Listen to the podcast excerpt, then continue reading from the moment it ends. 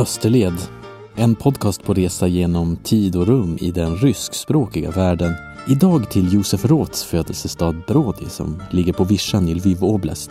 Det blir inga spelmän på taken, men väl både Hashkala och Hashidim och buntrörelsen och judisk historia för hela slanten. Och lite jiddisch också. Bajechel.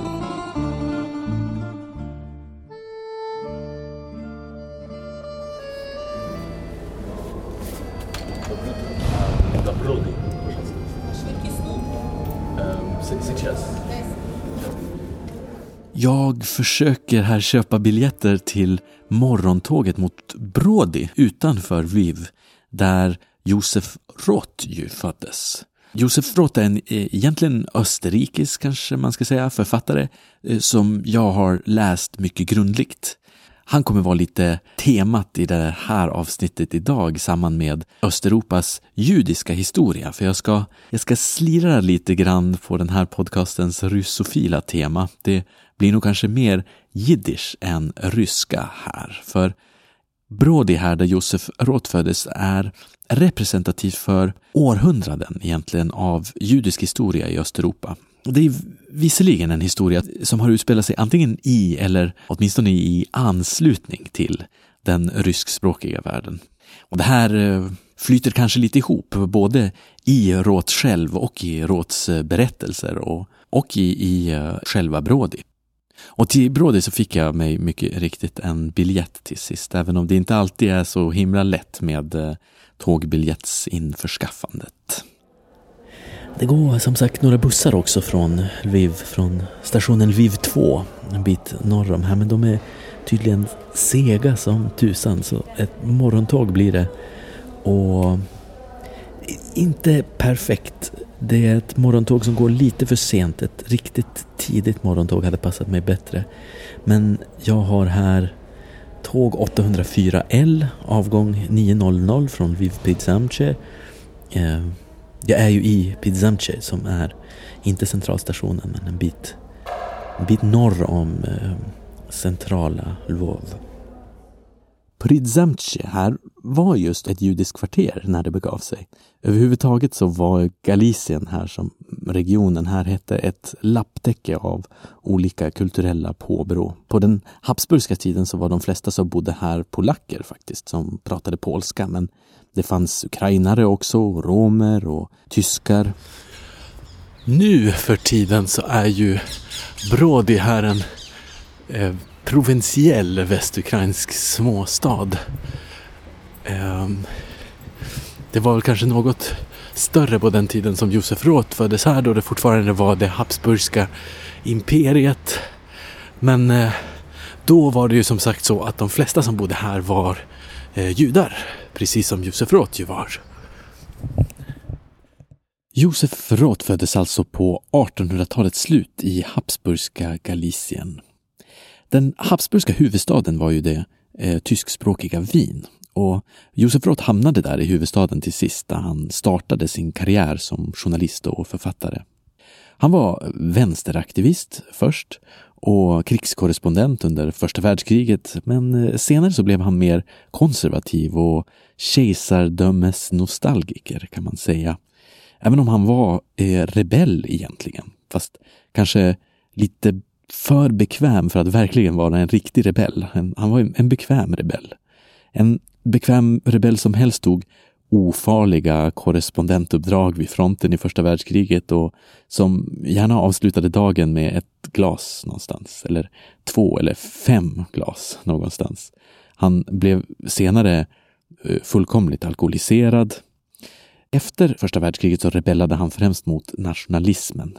Han var framförallt en kosmopolit och en internationalist och han kom att bli en av Europas mest kända journalister. Han hade en jätteintressant skrivande karriär på, på 1920 och 30-talen. Josef Roth var ju som sagt inte ryss eller ens ryskspråkig egentligen, men genom både sin person och sitt skrivande och, och genom de miljöer från Galicien som han drömmer sig tillbaka till i flera av sina böcker så kan man närma sig just den här östeuropeiska judiska kulturen kring det ryska imperiet närmare. Det här var just miljöer som Josef Roth saknade mycket i det österrike-ungerska hemland som liksom berövades honom under första världskriget. Och med det så försvann också även det här mångkulturella Galicien i Österrike som han kände från barndomsåren, eller Kinderjuren som det heter på jiddisch. Det är just de miljöerna som han skriver om i flera av sina böcker. Josef Roth är nog den författare som jag har läst djupast och bredast och, och mest kanske. Efter första världskriget så kom den här äh, Habsburgska tidens pluralistiska zeitgeist som Roth drömde sig tillbaka till. Att trampas ner av den, den växande fascismen i, i Europa. Och den var Josef Roth starkt emot. Här var han rebell igen. Han var rebell mot nationalismen. För Josef Roth var internationalist och han hatade djupt den europeiska fascismens framsteg på demokratins bekostnad i det som han tyckte var kulturernas högborg som det utbildade Europa utgjorde för honom. Så i hans böcker som Radetzky-marschen och Den falska vikten till exempel så, så andas man de här miljöerna av nostalgi kring eh, Josef Roths försvunna hemland från barndomsåren. 1924 så publicerade Josef Roth Spindelnätet som en följetong där man följer en karriäristisk eh, Kent Ekeroth-typ eh, på hans väg uppåt inom ett högerextremt parti på den tiden. Nu i efterhand kan man se den som en verkligt skrämmande spådom om det som skulle komma senare, men 1924 så är den väldigt tidig. Det är egentligen världens första antinazistiska roman. Ha! Nu är jag framme i Brody och går längs det Sax huvudgata rakt in mot centrum i småstan.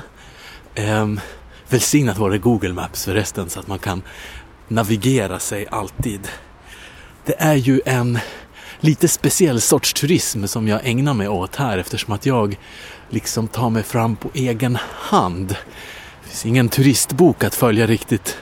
Knappt några uppspikade skyltar eller turist, det, sevärdesmärken. Jag söker ju efter en svunnen tid och en utflyttad person så det finns inga riktiga turiststråk att följa liksom. Så då får man ta sig fram på egen hand, följa sina egna efterforskningar, eh, söka på nätet och navigera sig på kartor. Just nu ska jag navigera mig fram här kanske 15-20 minuters marsch rakt fram.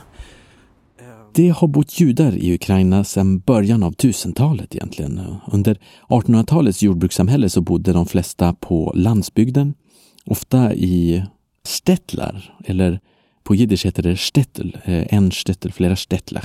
En stettel är alltså en, en småstad, eh, mest med judiska invånare som pratar jiddisch gärna och eh, en synagoga, gärna i trä, en marknadsplats och allmänt traditionella levnadsvanor ska man säga. Har ni sett filmen Spelmannen på taket så, så vet ni.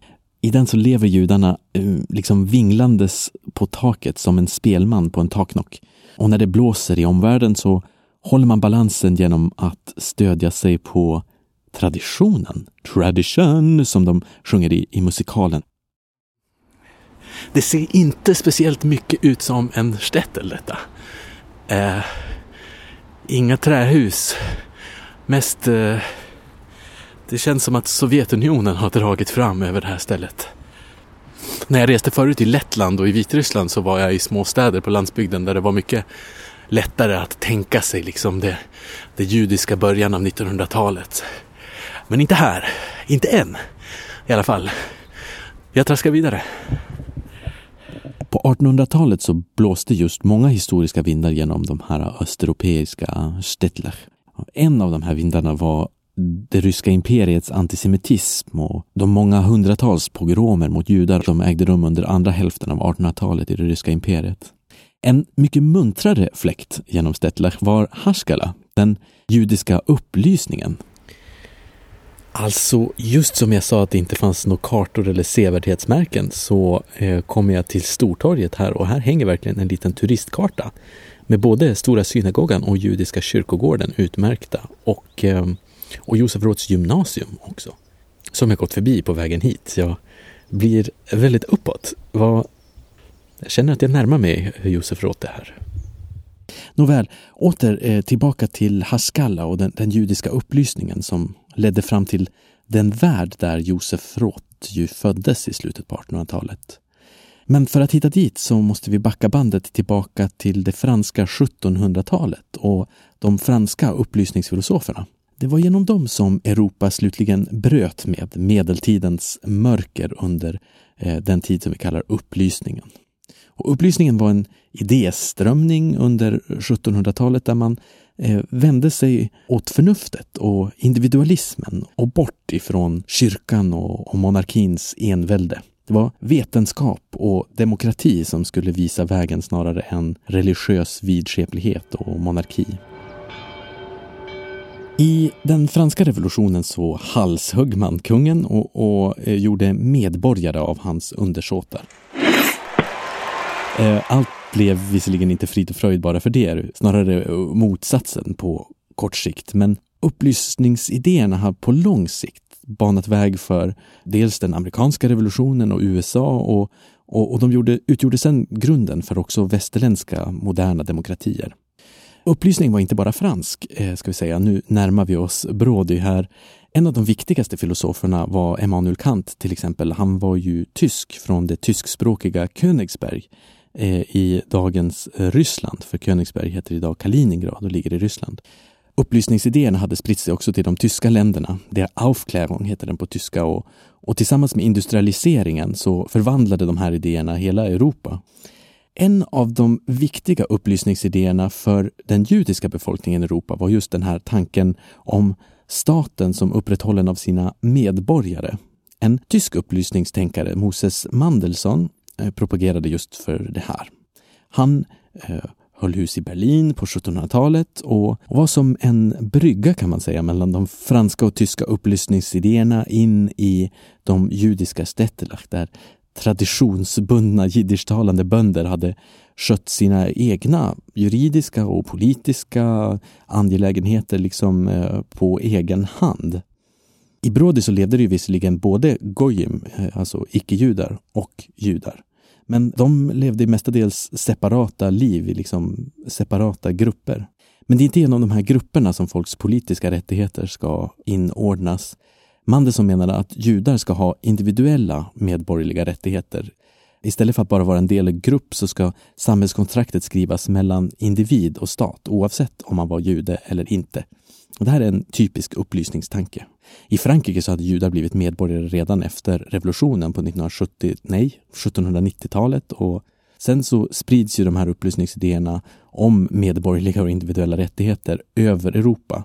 I mitt hemland Belgien så blev eh, judar medborgare i det nya Belgien efter belgiska revolutionen 1830 och jag vet inte, i Sverige så var det 1870 och 1871 i Tyskland. Inom judenheten så kallas den här upplysningsrörelsen för Haskalah. Haskalah kan man säga är den judiska upplysningen. Traditionerna i Stettler gav vika för förnuft och sekularism. Det är det som är Haskalah. Och med Haskallan i bagaget så kom judar sen, precis som andra, eller mer än andra europeer egentligen, att bidra till det 1800-tal där upplysningens arv fick blomma ut till modernism. Och det skedde inte minst i upprinningen till den ryska revolutionen i Ryssland så var judar till exempel överrepresenterade bland de revolutionära och Karl Marx eh, själv som var judisk tysktalande filosof till kommunister som Trotskij som ju var judisk ukrainare förresten och Kamenev hade också judiskt påbrå. En effekt av den här judiska upplysningen var just att läskunniga och ambitiösa europeiska judar kunde avancera med sitt medborgarskap i handen inom vetenskap och ekonomi och konst och kultur och och mest detta då under 1800-talets slut. Här i trakterna, alltså i Habsburgska Galicien eller i, i de tyska länderna så, så, så gjordes detta på, på 1800-talets stora kulturspråk, nämligen tyskan. Och inte på det här lantliga jiddisch som folk pratade ute i Stettlach. Även om det kom att finnas sekulära politiska rörelser i upplysningens och i Haskalans kölvatten som förespråkade just att man skulle börja använda det här lantliga jiddisch som för den europeiska judenheten. Och det har att göra lite med det senare 1800-talets europeiska tidevarv. För samtidigt som den europeiska antisemitismen kanaliserades i i antijudiska upplopp och pogromer under slutet av 1800-talet så formulerades det olika lösningar på det här problemet att judiska europeer inte hade något eget europeiskt land att vara medborgare i. De var medborgare i sina respektiva land men aldrig fullt integrerade i Frankrike eller Sverige eller Belgien eller Tyskland eller, eller Ryssland framför allt. Å ena sidan så lanserades sionismen som idé och den förespråkade att judar skulle kunna bygga sig ett eget land i det som då var ottomanska Palestina. En annan rörelse som fascinerar mig mycket var den historiskt samtida buntrörelsen, heter den, som grundades i slutet på 1800-talet och den var utpräglat socialistisk. Både buntrörelsen och sionismen var liksom sprungna ur den här judiska upplysningen Haskalla på, på sätt och vis. Och båda utgick från ett problem med europeisk antisemitism under 1800-talet och judarnas liksom obekväma plats i 1800-talets Europa. Och båda de här rörelserna utspelade sig just här i Östeuropa, det ryska Östeuropa, Polen, Ukraina, Vitryssland, Ryssland, Baltikum. Eh, de länder som senare kom att eh, gå upp i Sovjetunionen. Buntrörelsen föreslog däremot helt andra lösningar än sionismen. Istället för migration till Israel så ville buntrörelsen till exempel ha integration i respektive europeiskt land. Doichheit, eller um, här på plats, typ, på platshet. Det var buntrörelsens svar. Judar ska klara sig här på plats, som de är, och talandes jiddisch, för det var ju det som judarna på landet pratade. Och hur ska de göra det? Jo, genom arbete, jämlikhet eh, och socialism såklart. Buntrörelsen var en viktig del av de här vänsteridéströmningarna som föregick eh, de eh, ryska revolutionerna i imperiet på 1900-talets början.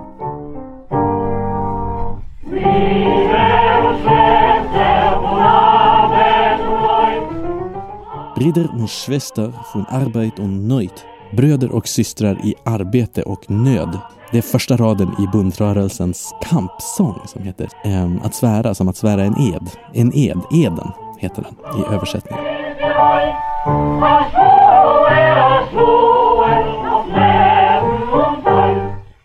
Och den här sången är ju då på jiddisch och jiddisch är ett häftigt tyskliknande språk som inte är alls helt hemligt ifall man pratar just svenska eller tyska. Det är det som är så mysigt med jiddisch.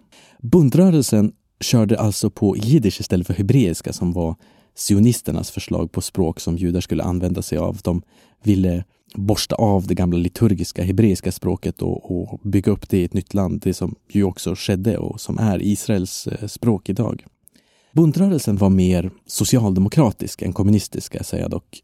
Det är kanske inte så konstigt att eh, upplysta jiddischtalare drogs till det här med socialismen som moderniseringsprojekt. Det innebar ju förbrödring, acceptans och att koncentrera sig på gemensamma, moderna, rationella framsteg istället för sekterism. Och det här var ju också drivkrafter som verkligen tilltalade Josef Roth, även om han aldrig ägnade sig åt någon verklig sån här eh, Deutschheit-socialism på plats. För eh, Roth utbildade ju sig på högtyska och inte på jiddisch och flyttade till huvudstaden i Wien. Jag ska säga att Roths efternamn ju verkligen betyder röd, men att det faktiskt är hans riktiga namn, inte något artistnamn som han tog sig. Även om röd just råkade vara Josef Roths politiska färg, framförallt under hans ungdom när han kom till Wien och då kallade han sig skämtsamt Derote, den, den röde, eh, när han flyttade till Wien och skrev för en vänsterblaska eller olika vänstertidskrifter. Och det här var ju under tiden på ja, början av 1910-talet då buntrörelse fortfarande var fullkomligen på G, både uppe i Galicien och i det ryska imperiets västra kanter. I alla fall buntrörelsens sångare är fortfarande på G i nutidens Berlin och om man inte hört så många buntkampsånger på jiddisch förut, eller ens hört jiddisch så ofta, så är det ju faktiskt hög tid tycker jag. Eh, lyssna efter jiddischen här. Eh, här sjunger de en, två, tre, fyra arbetslösa äro vi.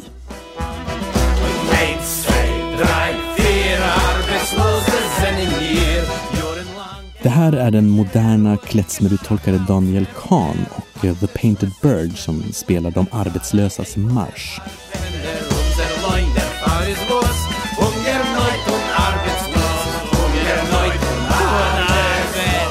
Och de sjunger alltså Unser Loindai Foris Vos Alltså, våran lön därför är vad? Eller vad är våran lön? Jo, hungernöd und arbetslös. Hunger, nöd och arbetslöshet alltså. Vill man höra mer av Daniel Kahn och The Painted Bird så kan man gå och kolla upp dem på nätet. De har en Facebook-sida och coola videor på Youtube och är coola i allmänhet också just för att de använder och återvitaliserar det här språket jiddisch som man ju inte eh, hör varje dag riktigt trots allt, även om det ju ändå är ett officiellt minoritetsspråk i länder som Sverige. Alltså i vanliga fall så åker ju folk inte hit till Brody. Eh, det är inte riktigt fullt av turister här precis. Jag är ju här för att jag har ett specialintresse i det här med att jag är Josef Roth-fan. Så jag ska ta mig hit eftersom han föddes här. Eh, det känns redan avkrokigt. Lugna, lugna gator, tveksam asfalt. Um, ja, halvkast väder men tilltagande fint. Lemberg heter ju alltså Lvov på jiddisch. Och jiddisch är ju ett tyskliknande språk som ni hörde kanske, eh, som pratades av judar i Östeuropa, men idag mest kanske av svarthattade lurkar i Williamsburg i, i New York eller på israeliska ålderdomshem. Jiddisch är ett fantastiskt fascinerande språk som dött liksom två gånger. En gång under förintelsen då de flesta talare mördades och sen en gång till då de flesta överlevande talarna lärde sina israeliska barn att prata hebreiska istället. Det är inte desto mindre ett stort kulturspråk egentligen med eh, både en rik litteratur och Nobelpris i bagaget och så är ju jiddisch ett skyddat minoritetsspråk i Sverige också. Ifall någon rättshaverist skulle vilja betala sina steuern till Skatteverket på jiddisch så Ehm, det kanske går förresten, jag vet inte riktigt. Jiddisch är alltså ett östeuropeiskt, i mycket germanskt språk som alltså tyska och svenska och arbetarparti till exempel heter Arbeiterpartei på jiddisch så det är inte så svårbegripligt för svensktalare i alla fall. Jiddisch är inte svårt, inte så svårt i alla fall, men det är inte lätt heller. Det är precis som tyska så måste man faktiskt lära sig det för att riktigt förstå. Och det finns massor av roliga hebreiska och slaviska låneord som, som gör det lärandet extra kul. En kung till exempel på jiddisch heter Amelech, som på arabiska eller hebreiska. Öster heter Mistrech, eh, som är ett hebreiskt låneord. Misrechi är förresten namnet på judar som har orientaliskt eller arabiskt ursprung. Till skillnad från ashkenazi, för jiddisch var ju språket för Ihudim ashkenazim, alltså ashkenaziska judar. Alltså de judar som haft östeuropeisk hemvist sedan romartiden eller så. Det var främst eh, de här ashkenaziska judarna som bodde just i, i Stetlach i, i Polen och i, i ryska imperiet kring sekelskiftet judisk historia är verkligen en hel värld i sig, eller flera hela världar. Bara inom kultur och musik ska vi säga så finns det ett fantastiskt jiddischspråkigt, alltså mycket ashkenazisk kulturtradition av teatrar och film och komedi, eh, komedi inte minst. Jiddisch har ju som sagt ett Nobelpris från 1978 med Yitzhak Singer som fick Nobelpriset för sin litteratur på jiddisch. Jag ska prata ett ögonblick om någonting mycket fascinerande med en ursprungligen jiddischspråkig komeditradition som folk känner till, men kanske inte alltid vet att den har ett jiddiskt ursprung. Men det finns en jiddischspråkig komeditradition som har förvaltats i, i allt från Göteborgs humor egentligen till Woody Allen och andra amerikanska judiska komiker som Jon Stewart och Larry David eller Sarah Silverman.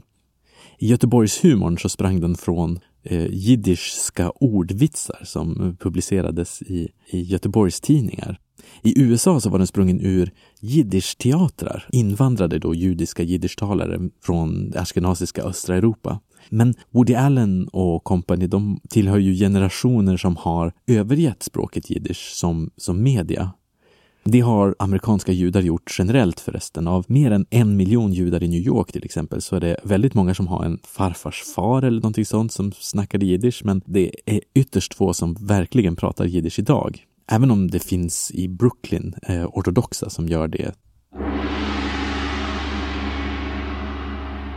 Ist was bin ich schon dein äh, Kind heter?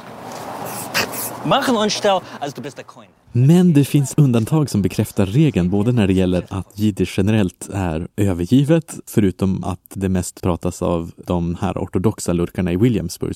Det finns nämligen ett komikerpar från Quebec i Kanada som har en Youtube-serie som heter Jidlife Crisis. De håller kvar i den här judiska komeditraditionen fast på jiddisch och med mycket moderna teman. För här så har de två karaktärerna hamnat på samma blind date med en kvinna som söker efter en korser kille att gifta sig med. Så de blir helt enkelt utfrågade av henne.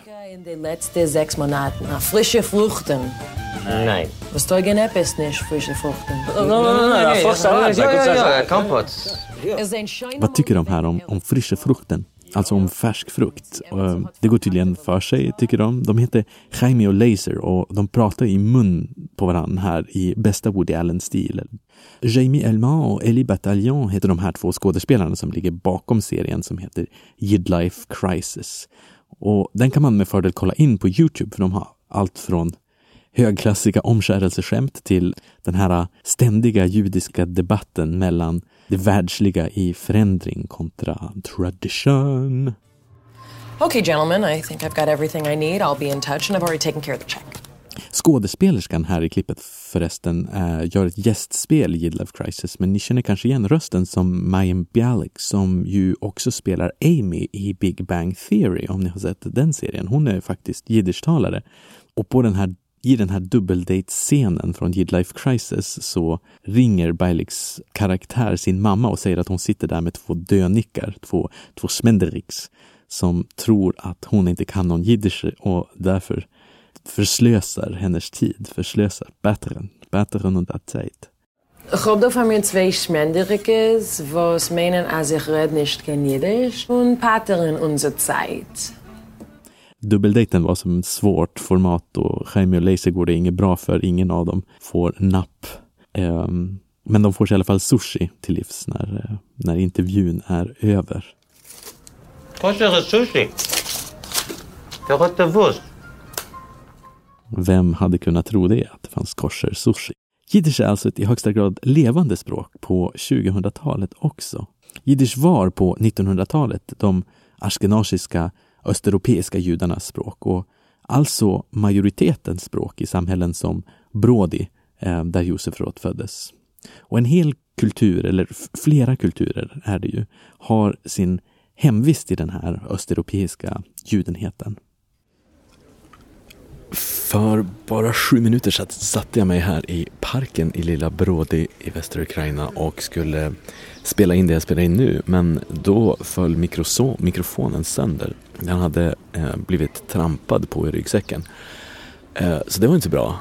Men eh, den visade sig fungera trots allt, men det hängde lösa sladdar så där gick jag tillbaka på gågatan och hittade ett superlim för eh, väldigt billig penning. Och nu har jag precisionslimmat tillbaka eh, mikrofonen på plats så att den fungerar igen. Jag hoppas att det blir liksom ljud av det här.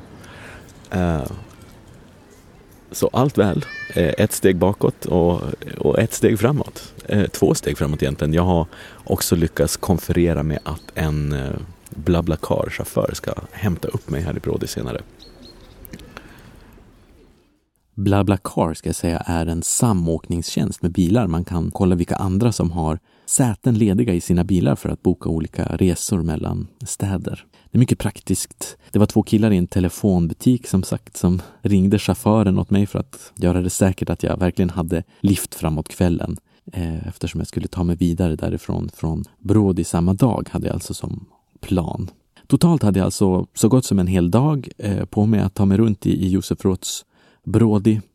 Fastän Roth ju skrev på tyska och inte på jiddisch så kan man, precis som genom Gogol förresten, besöka det här äh, ryska imperiets utkanter i hans författarskap. Eller egentligen verkligen det österrike-ungerska imperiets utkanter i, i den, den falska vikten eh, och i Radetzky-marschen speciellt så finns de här miljöerna. Jag ska lista alla mina läserekommendationer på webbsidan till podcasten som är på österled.nu med oosterled.nu. Det är en väldigt fascinerande tid som Roth skriver om under det här imperiets sista tid på slutet av 1800-talet och början av 1900-talet. Men det är också en väldigt fascinerande tid som han skrev under, under det österrikiska 1920 och 30-talen. För att han skriver om de här miljöerna, om sin barndomstid, liksom i backspegeln verkligen. För Roth hade slagit in på nostalgins spår och han observerade sin barndoms Galicien med saknad i blicken i sina böcker.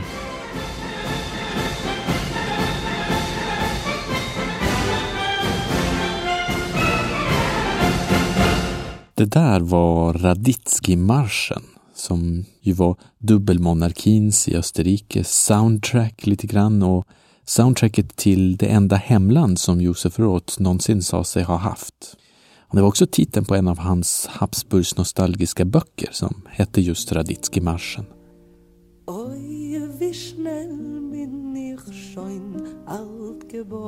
Judisk historia är en viktig del av Ukrainas både 1800-tal och 1900-talshistoria.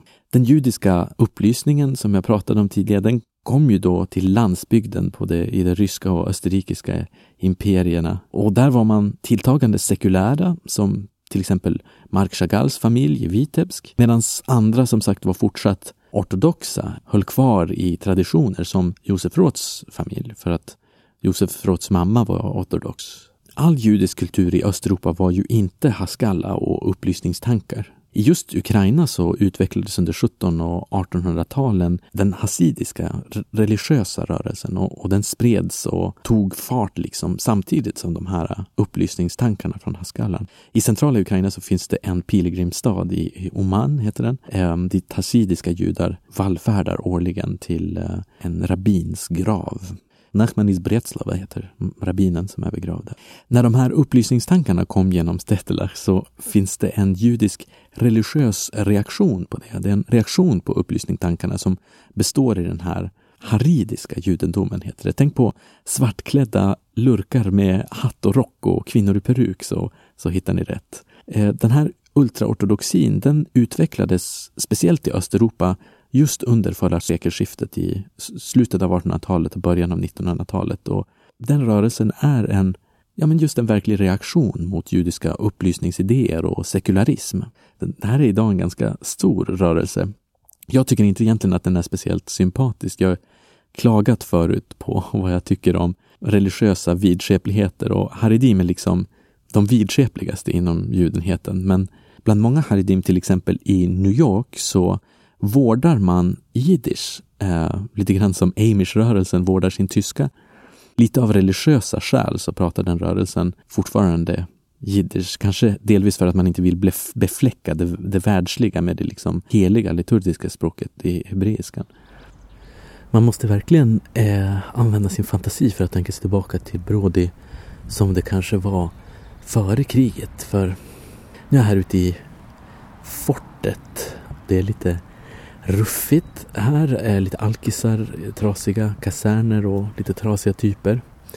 Um, inne på huvudgatan däremot så har Brody en sån här eh, mysig eh, småstadskänsla.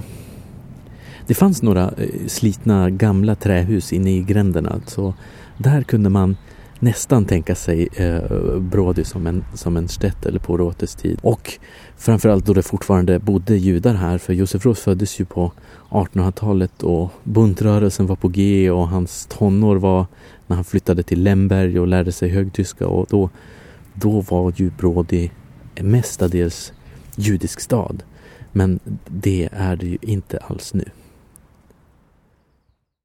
Efter att jag bodde i Georgien förra året så flyttade jag till just Österrike. Och då hade jag läst nästan uteslutande ryska författare i ett år i princip. Och jag tyckte väl att det var läge med en ny besatthet så jag började läsa Stefan Zweig, som ju en gång var världens eh, största författare någon gång på 1930-talet. Och Josef Roth är lite grann Stefan Zweigs alkoholiserade eh, sidekick-kompis. Båda var österrikiska judar Eh, Stefan Zweig kom från mer välbärgad och välintegrerad högtysk eh, huvudstadselit där imperiets judar fanns bland de främsta vinborna i, i de finaste kvarteren. Om man vill läsa en fantastisk familjesaga om det förresten så finns det en bok som jag rekommenderar varmt som heter Haren med bärnstensögonen. Ett magiskt familjeepos där man får resa i tid och rum i extrem bemärkelse. Det är, tror jag, är den största läseupplevelsen under tiden jag bodde där i, i, i Stefan Zweigs och Josef Roths Wien. Stefan Zweig var ju också progressiv internationalist, precis som Josef Roth. Och ungefär på samma sätt så drabbas de av den här postimperiska nostalgin när det österrike-ungerska imperiet faller samman.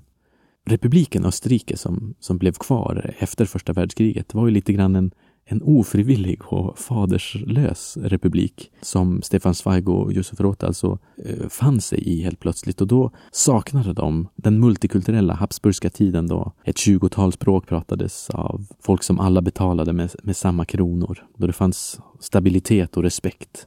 Men under mellankrigstiden så var Österrike istället ett destabiliserat kaos där nazismen grodde.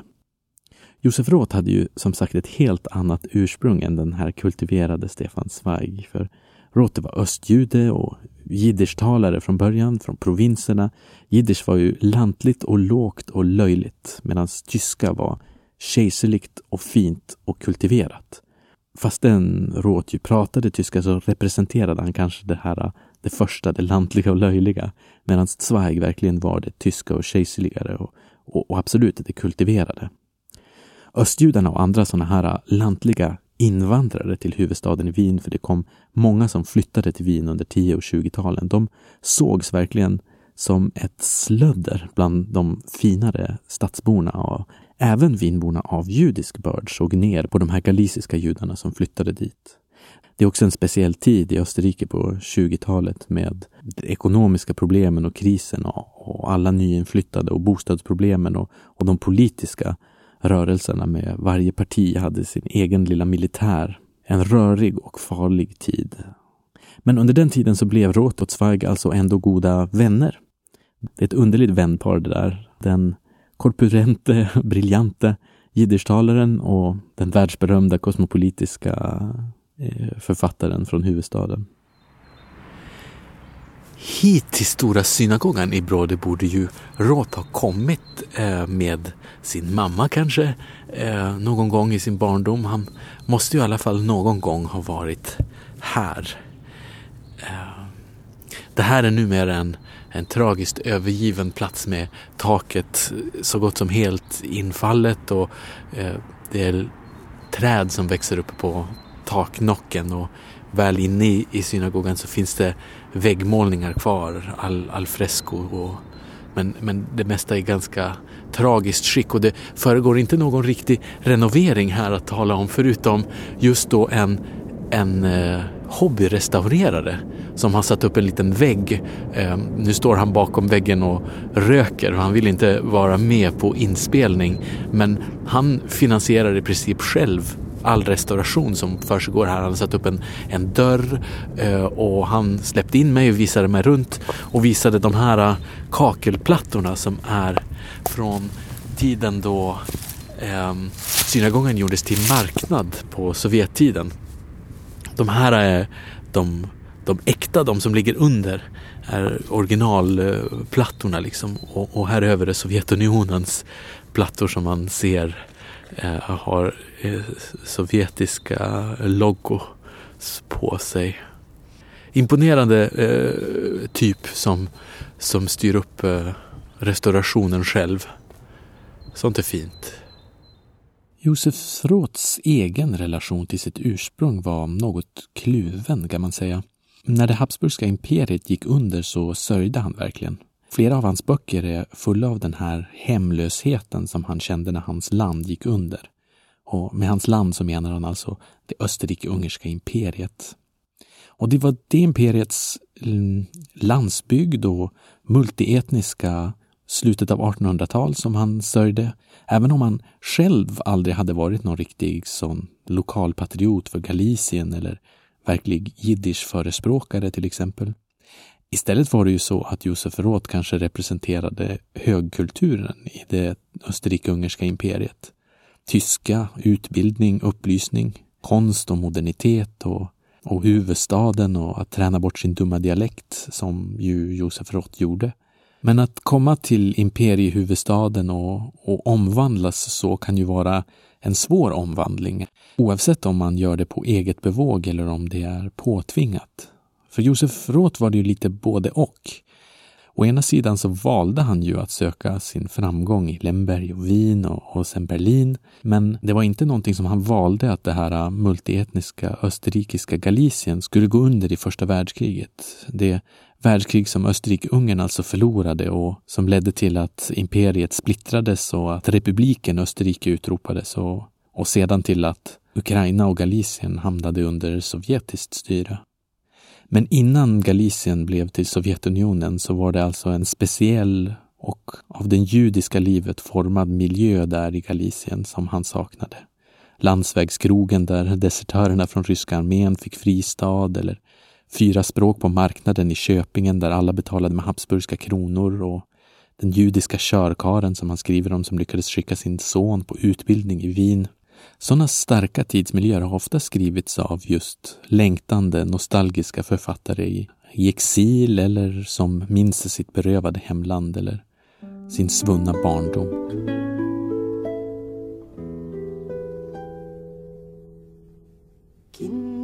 Kinderjörn heter den här sången. Eh, kinder, alltså barn, och jörn, barnaåren eller barndomen. Och den eh, första textraden är Eh, Kinderjören, Sise Kinderjören, söta barnaåren. Och sen Eivig blagir wach in moinsikoiren, från eh, bleiben wach, att eh, förbli vaken, men evigt förblir de levande i moinsikoiren, i, i mitt minne. Hör här. Kinderjören, Sise Kinderjören Eibig bleibt ihr wach in mein Sikoren Det här är en nostalgisk sång på jiddisch om, om svunna och eh, berövade tider. Oj, wie schnell bin ich schon alt geworden Ack, så fort som jag har blivit så gammal. Jag har något gemensamt med Roth i hans eh, drömmande tillbaka till Eh, till svunna eh, tider när jag reser runt själv på jakt eh, på sätt och vis efter en svunnen tid. Det är just eh, sorgesamt ibland att eh, söka en kultur som har skingrats eller en tid som har skingrats. Så som Roth gjorde i sitt skrivande eller som jag gör i, i mitt läsande och i mitt resande. Men det är också inspirerande, ska jag säga, och kul. Och speciellt kul just med jiddisch som ju är som sprudlande och eh, väldigt rikt och levande språk som också är ett levande språk för vårt århundrade och som gör att man blir uppåt och eh, peppad mitt i alltihop. Och sen är det ju så med jiddisch att man kan vara med att föra fram eh, kultur som lever just Eh, på och genom jiddisch. Som till exempel den här sången som, som spelades nyss. Som det var den norskfödda Bente Kahn som sjöng. Hon har gjort massor av tolkningar av jiddisch-sånger med teaterpjäser också. Har hon, gjort. hon har en stiftelse som har renoverat och bevarat judisk kultur i Polen. Den här sången, Kinderjören förresten, är skriven av just en polsk eh, jiddisch-poet, eh, Mordechai Gebertzig, som har skrivit flera av de här klassiska eh, sångerna på jiddisch. Däribland eh, De arbetslösas marsch faktiskt, som jag spelade tidigare med eh, Daniel Kahn och eh, The Painted Bird. Det här med att söka judiska historien i Östeuropa är alltså för mig ska säga, en upplevelse som pendlar mellan det här med livsglädje och fascination och, och törst efter att lära sig å, å ena sidan och å andra sidan den här eh, sorgesamma nostalgin då är att söka eh, det förflutna och en kultur som delvis skingrats. Hmm. Jag har gjort en flera veckors lång judisk resa i Baltikum och Vitryssland för några år sedan och saxat runt på landsbygden där bland också där en, en i mycket försvunnen judisk kultur. Och också där så finns det värmande ljusglimtar när man kommer till eh, träsynagogor som renoveras i, i Latgalien i sydöstra Lettland till exempel. Och i Minsk, i huvudstaden i Vitryssland, så stötte jag ihop med en hel grupp av volontärer från Tyskland som jobbade i Minsk med typ hemtjänst eller försoningsarbete kan man säga. åt gamlingar som hade varit krigsfångar under andra världskriget i Tyskland, eller barn till de krigsfångarna. Och de hade ofta hamnat i Gulag och under Sovjettiden hade det varit väldigt stigmatiserade och, och de här gamlingarna hade därför levt svårt både under och, och efter Sovjetunionen och de flesta av dem var nu fattigpensionärer som de här volontärerna då, eh, ett gäng tyska ungdomar, åkte hem till och, och besökte och hjälpte dem med olika saker, handla mat, eh, städa och, och sånt. Sjukt bra projekt som det verkar. De gjorde samma sak det här i Ryssland och i Ukraina också. Och de här ungdomarna som då i princip gjorde hemtjänst åt eh, sovjetiska fattigpensionärer utbildades också i, ja, men, i judisk historia och, och sovjetisk historia som eh, många av de här eh, krigsfångarna hade upplevt. Och i Pils i Lettland så blev jag guidad faktiskt i synagogan på jiddisch och ryska. Men eh, jag har ju sagt att min ryska är dålig och min jiddisch är ännu, ännu sämre. Även om de hjälper upp varandra. Det är sjukt kul. Språk öppnar alltid världar.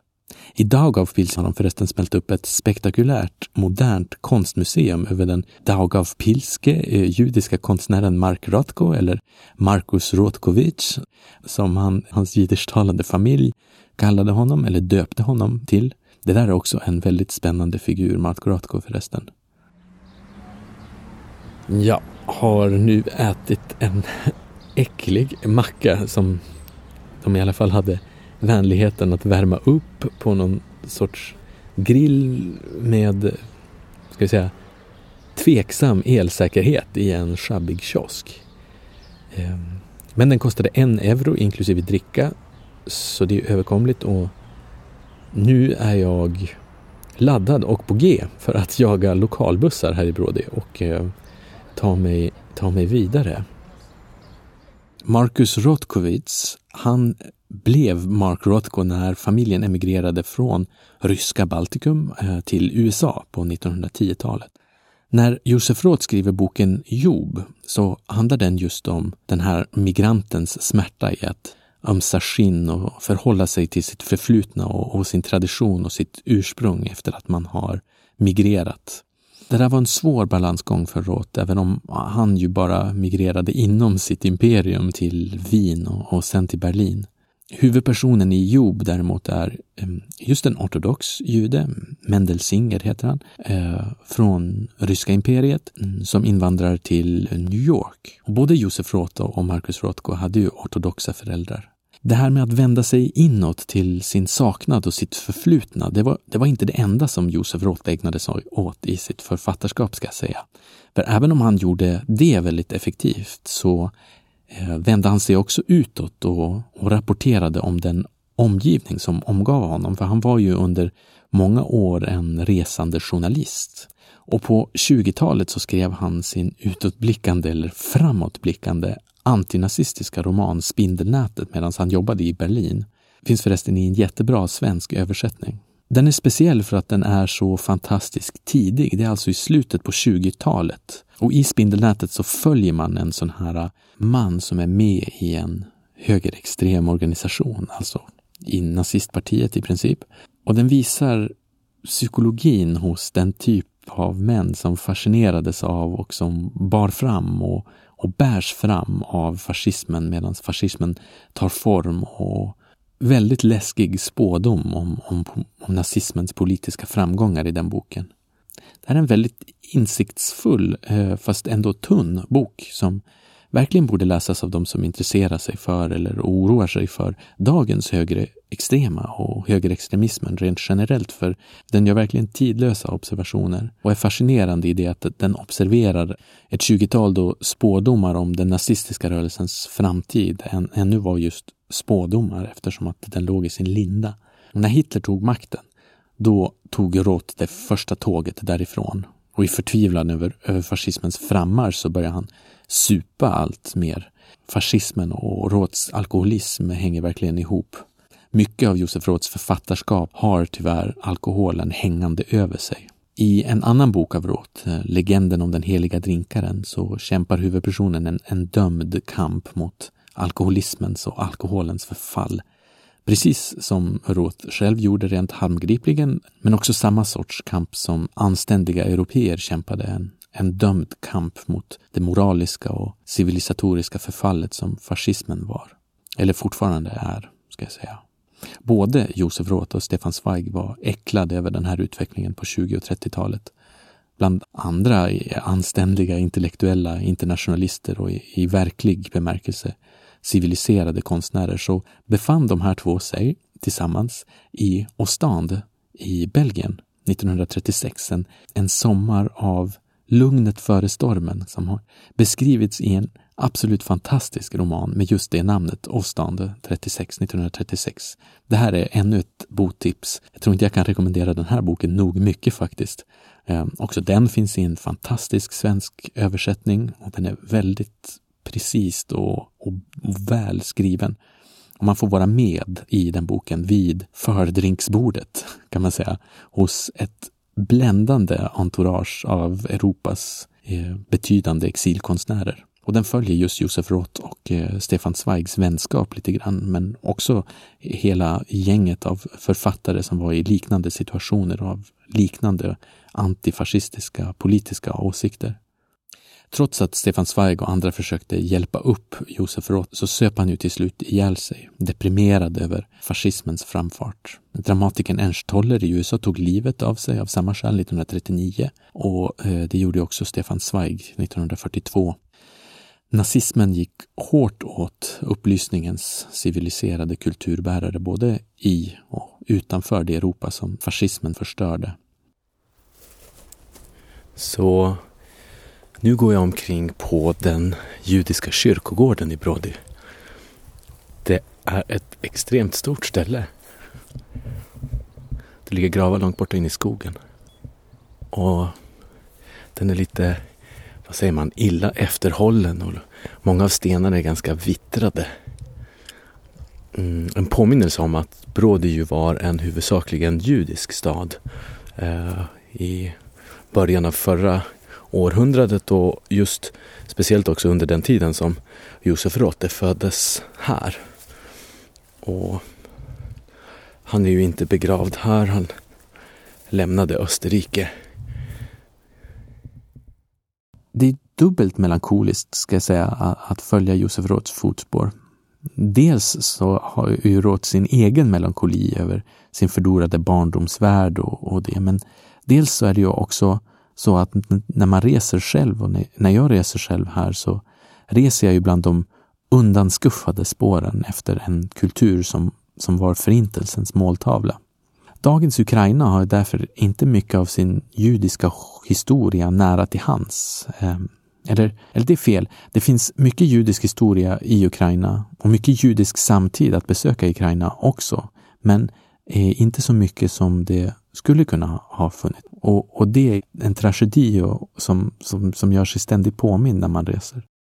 Det är talande förresten för hur det judiska livet har upprotats här, att den största kyrkogården eh, i Brody är den judiska kyrkogården.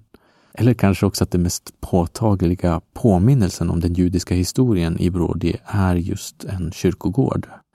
I det Sovjetunionen, som ju var ändå det land där Brody låg under mesta delen av 1900-talet så har judisk historia ofta antingen förminskats eller aktivt mörkats.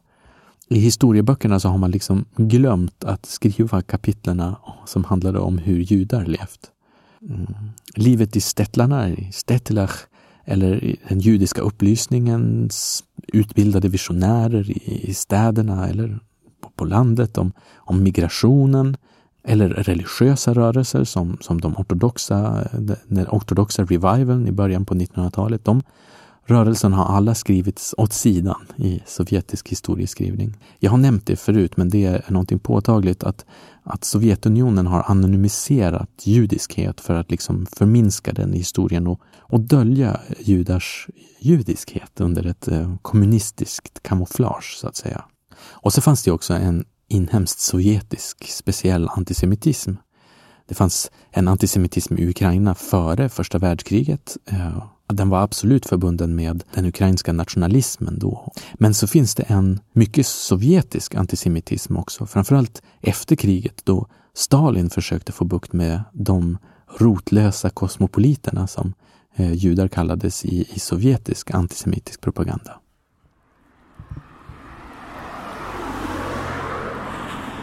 Det är en rejäl promenad tillbaks från kyrkogården in till Brådi. Kyrkogården var en, en fin men en ledsam plats. Och ja, det är skönt att gå tillbaka i, i höstsolen här i alla fall. Skönare än att åka ut dit som jag gjorde med en skumpig stadsbuss med otrevlig konduktör. Um, nu går jag längs en lång eh, ja, men, landsväg eh, typ. Eh, med hus som ändå här ute är något eh. Jag skulle kunna tänka mig att, jag vet inte, jag känner mig lite närmare Råtsbrodi här än jag gjorde riktigt inne i själva samhället. Att resa själv så här på jakt efter ett delvis kullkastat kulturarv är bitvis tungt och melankoliskt. Ehm, jag tror inte att det blir bättre riktigt av att jag reser fysiskt ensam, ehm, men intellektuellt sett i Josef Råds sällskap. Va? Han var ju en melankolisk nostalgiker och deprimerad alkoholist. Och de är ju alltid nedslående sällskap. Jag är ganska nostalgiskt lagd själv ska jag säga och är ju fascinerad av det förflutna, vilket visserligen är en lämplig fascination för eh, historiker. Men eh, jag vill inte vara nostalgiker i Josef Roths bemärkelse, för man kan inte leva i det förflutna. Jag vill istället vara mer, mer peppad, för man kan bli tiofalt uppåt eh, av att resa i judisk kulturs fotspår också. Med eh, ja, men, coolheten i jiddisch som jag har pratat om tidigare och, och den fantastiska variationen i kulturella rörelser som fanns inom den europeiska judenheten, eller som finns i den europeiska judenheten ska jag säga. Inför det här avsnittet så pratade jag med Jamie och Ellie som gör den här serien Jid Life Crisis. Och de tipsade mig om en serie på svenska televisionen på SVT som är på jiddisch. Den serien heter Woodskis värld och den går på SVT och finns på SVT Play. Och det är ett reseprogram eh, kan man säga. Inte alls ett sånt här dystert eh, Josef Rådskt nostalgiskt reseprogram men istället fullt av resenärens upptäckarglädje. Thomas Wodzke är nämligen eh, också på, på resa just, men på resa i, i dagens jiddisch. Och jiddisch är ett fantastiskt levande språk, visar han. Ett språk som har fått ett uppsving, eh, kan man säga, delvis genom internet som möjliggör kontakter och utbyten och, och kultur på jiddisch och som möjliggör att jiddischtalare kan träffas världen över eller att jiddisch icke-jiddischtalare kan upptäcka jiddisch och börja lära sig jiddisch, så som jag till exempel har försökt göra lite grann. Det här förklarade Thomas Wodsky eh, från Wodskys värld för mig själv om hur internet har, har lett till en revival av språket jiddisch. Och att man kan hitta sätt att, att nå det här språket, att läsa det, att höra musik eller serier eller tv-serier, precis som vilket annat modernt språk som helst som man skulle vilja eh, ta sig för att lära sig. En annan grej som man kan använda internet till, i alla fall när tekniken fungerar någorlunda, är ju att ha med eh, fysiskt fjärran podcastgäster. Och eh, det är precis det jag ska göra, för Thomas Wodski hade nämligen vänligheten att vilja vara med här. Så jag ringde upp honom på Skype. Med mig nu så har jag Thomas Wodski, bekant från SVTs eh, serie Wodskis värld som finns på SVT Play. Hej! Hejsan! Hallå! Vad himla trevligt att du är med. Ja, det tycker jag med. Jättekul. Berätta lite om, om den här serien. Vad är det som händer i den? Mm. Så um, det är en serie i fyra avsnitt. Och i varje avsnitt så åker jag till en ny uh, stad. Och uh, pratar med folk uh, på jiddisch och hör lite efter vad som händer hos dem. mycket handlar ju om jiddisch men det är också andra saker. Det är, när vi är i Bukarest till exempel så är det samtidigt som det är en teaterfestival. När vi är i London så är det en open mic-kväll, så då är vi lite där. Och, uh, Just det, och allting är på jiddisch då? Ja, precis.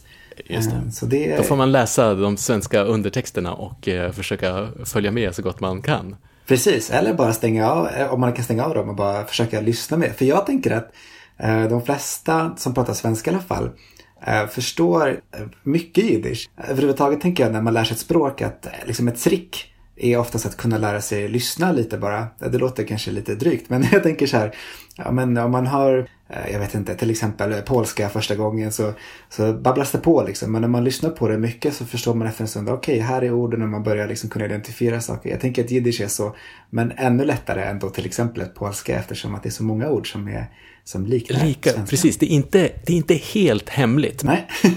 Eh, hur, hur, har du gjort när du har lärt dig? Um, Alltså, det var så här att eh jag pluggade, det här kommer ett jättekrångligt svar. Jag pluggade rumänska eh, på distans eh, medan jag bodde i Kanada och samtidigt läste för att bli eh Eh, sån eh, tessel, alltså typ SFI-lärare på engelska.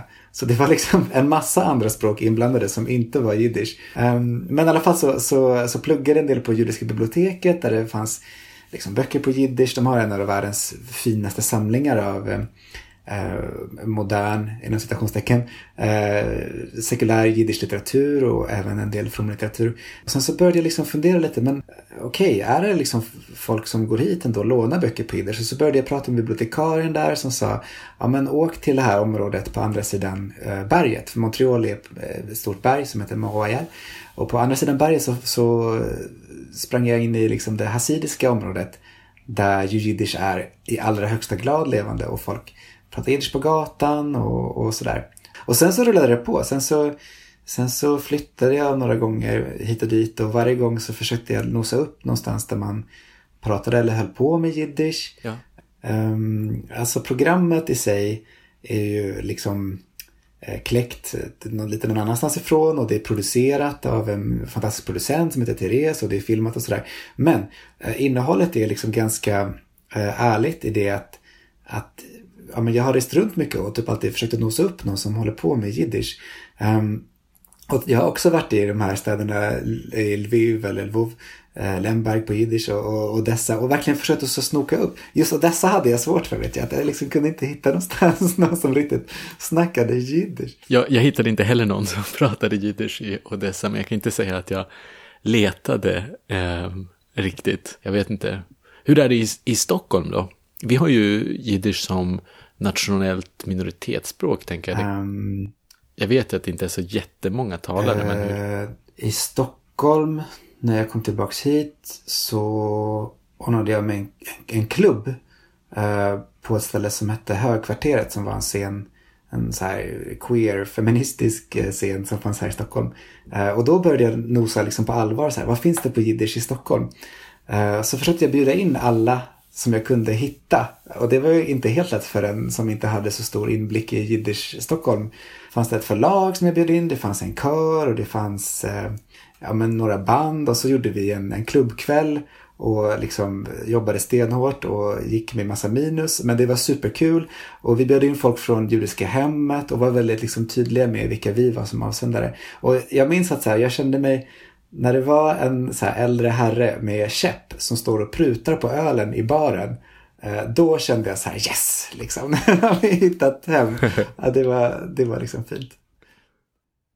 Men det, en fantastisk grej är ju att det öppnar, man, varje språk öppnar ju dörrar, men även Jiddisch öppnar ju hur många möjliga dörrar som helst. Mm. Bara från det du berättade nu, att det kan vara dels typ hashitiska kvarter i Montreal eller queer-feministiska grejer i Stockholm. Det är liksom så många olika eh, världar som, som man har access till genom, eh, genom jiddisch. Jo men verkligen, och ofta så kan det vara ganska, alltså eftersom att, tycker jag i alla fall, det är klart som med alla um, olika typer av kultur uh, så finns det ju alltid ja, men olika liksom, dragningar och konflikter såklart. Men äh, jag tänker äh, generellt så är det ändå, tycker jag, att så här, ja, men folk har lite olika saker för sig men det som förenar är just eh, språket och att det liksom väger ofta ja, men ganska tungt. Att man ändå, trots att man är kanske ganska olika, att jag, jag tänker att jag träffar med rätt många personer som är, som är väldigt um, observanta, alltså fromma och andra som är hel, liksom, hel åt andra hållet och sådär. Och allt däremellan.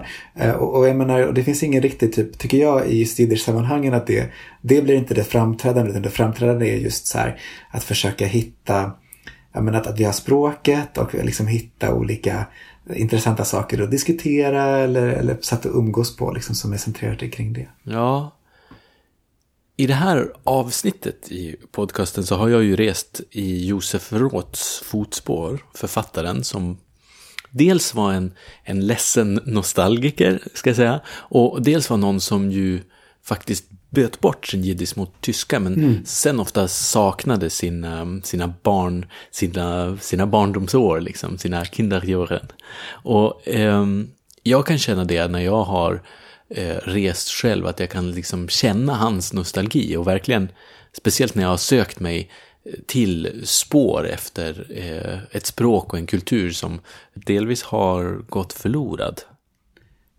Jag tänker att det är lite en sanning med modifikation för att um, det är sant att alltså det är ju förstås en, eh, alltså jiddisch är ju väldigt format självklart liksom av av uh, förintelsen och, och liksom hur det hur det fruktansvärda som skedde då eh, liksom tog bort språket också. Ja, liksom, eh, inte bara miljontals människor utan i det här fallet också det här språket försvann nästan helt och hållet. Ehm, nästan helt, men inte... Det är också ett språk som är mitt under ett uppsving i vårt århundrade. Att, ja. att det är liksom um, fler och fler som söker sig till språket. Den liksom åter återhämtningen, den revival eller den liksom, det sökande till jiddisch. Det sker liksom i så många olika åldrar nu och det tycker jag också är superintressant. Det är både eh, liksom barn som kanske hade mor eller mormors mor som pratade jiddisch. Men det är också liksom mormor själv. Och det, alltså det kan vara liksom en hel eh, Eh, kedja. Alltså så här, det är så många olika åldrar som just närmar sig jiddisch nu. Och det, jag tycker det är spännande liksom att den här eh, den här nostalgin den, liksom, den, den drabbar nog eh, folk på olika sätt och också men liksom parallellt, jag vet inte, alltså samtidigt trots att de här olika åldrarna är. För det finns någonting som gör att det också finns ett intresse bland yngre människor eh, som har kopplingar till jiddisch. Också de som inte har det förstås. Men, men, eh, men det är spännande att det kan liksom ha gått flera generationer till liksom moders, från modersmålet, mameloshen, jiddisch. Eh, och ändå så finns det här intresset liksom att det har slumrat lite kanske men att det verkligen vaknar till. Oavsett om man vaknar till i 70-årsåldern eller 30-årsåldern eller kanske bara är 10. Liksom. Ja. Och det är spännande. Och, och, det kan man göra delvis genom att kolla Woodskis värld på SVT Play. det kan till exempel. Eh, visst, visst finns den fortfarande där? Ja, den ska ligga uppe till, till sommaren någon gång i alla fall. Underbart. Um... ja, jag, jag är jätteglad att du kunde vara med. Eh, jag, jag, tusen tack, tack. Till, till dig. Kul som det kan vara att resa i tid och rum genom en podcast så kanske det är bland ännu roligare att se bilder också. Så Woodskis värld finns alltså på SVT fram till sommaren och eh, jag rekommenderar varmt att kolla in det. Och jag har ett gäng andra varma rekommendationer som sagt och boktips i det här avsnittet som har varit väldigt långt. Och eh, just nu när jag har gjort den här intervjun och länge suttit instängd som jag gör eftersom att jag ju bor i Belgien och så här i coronatider så får inte vi gå ut så mycket.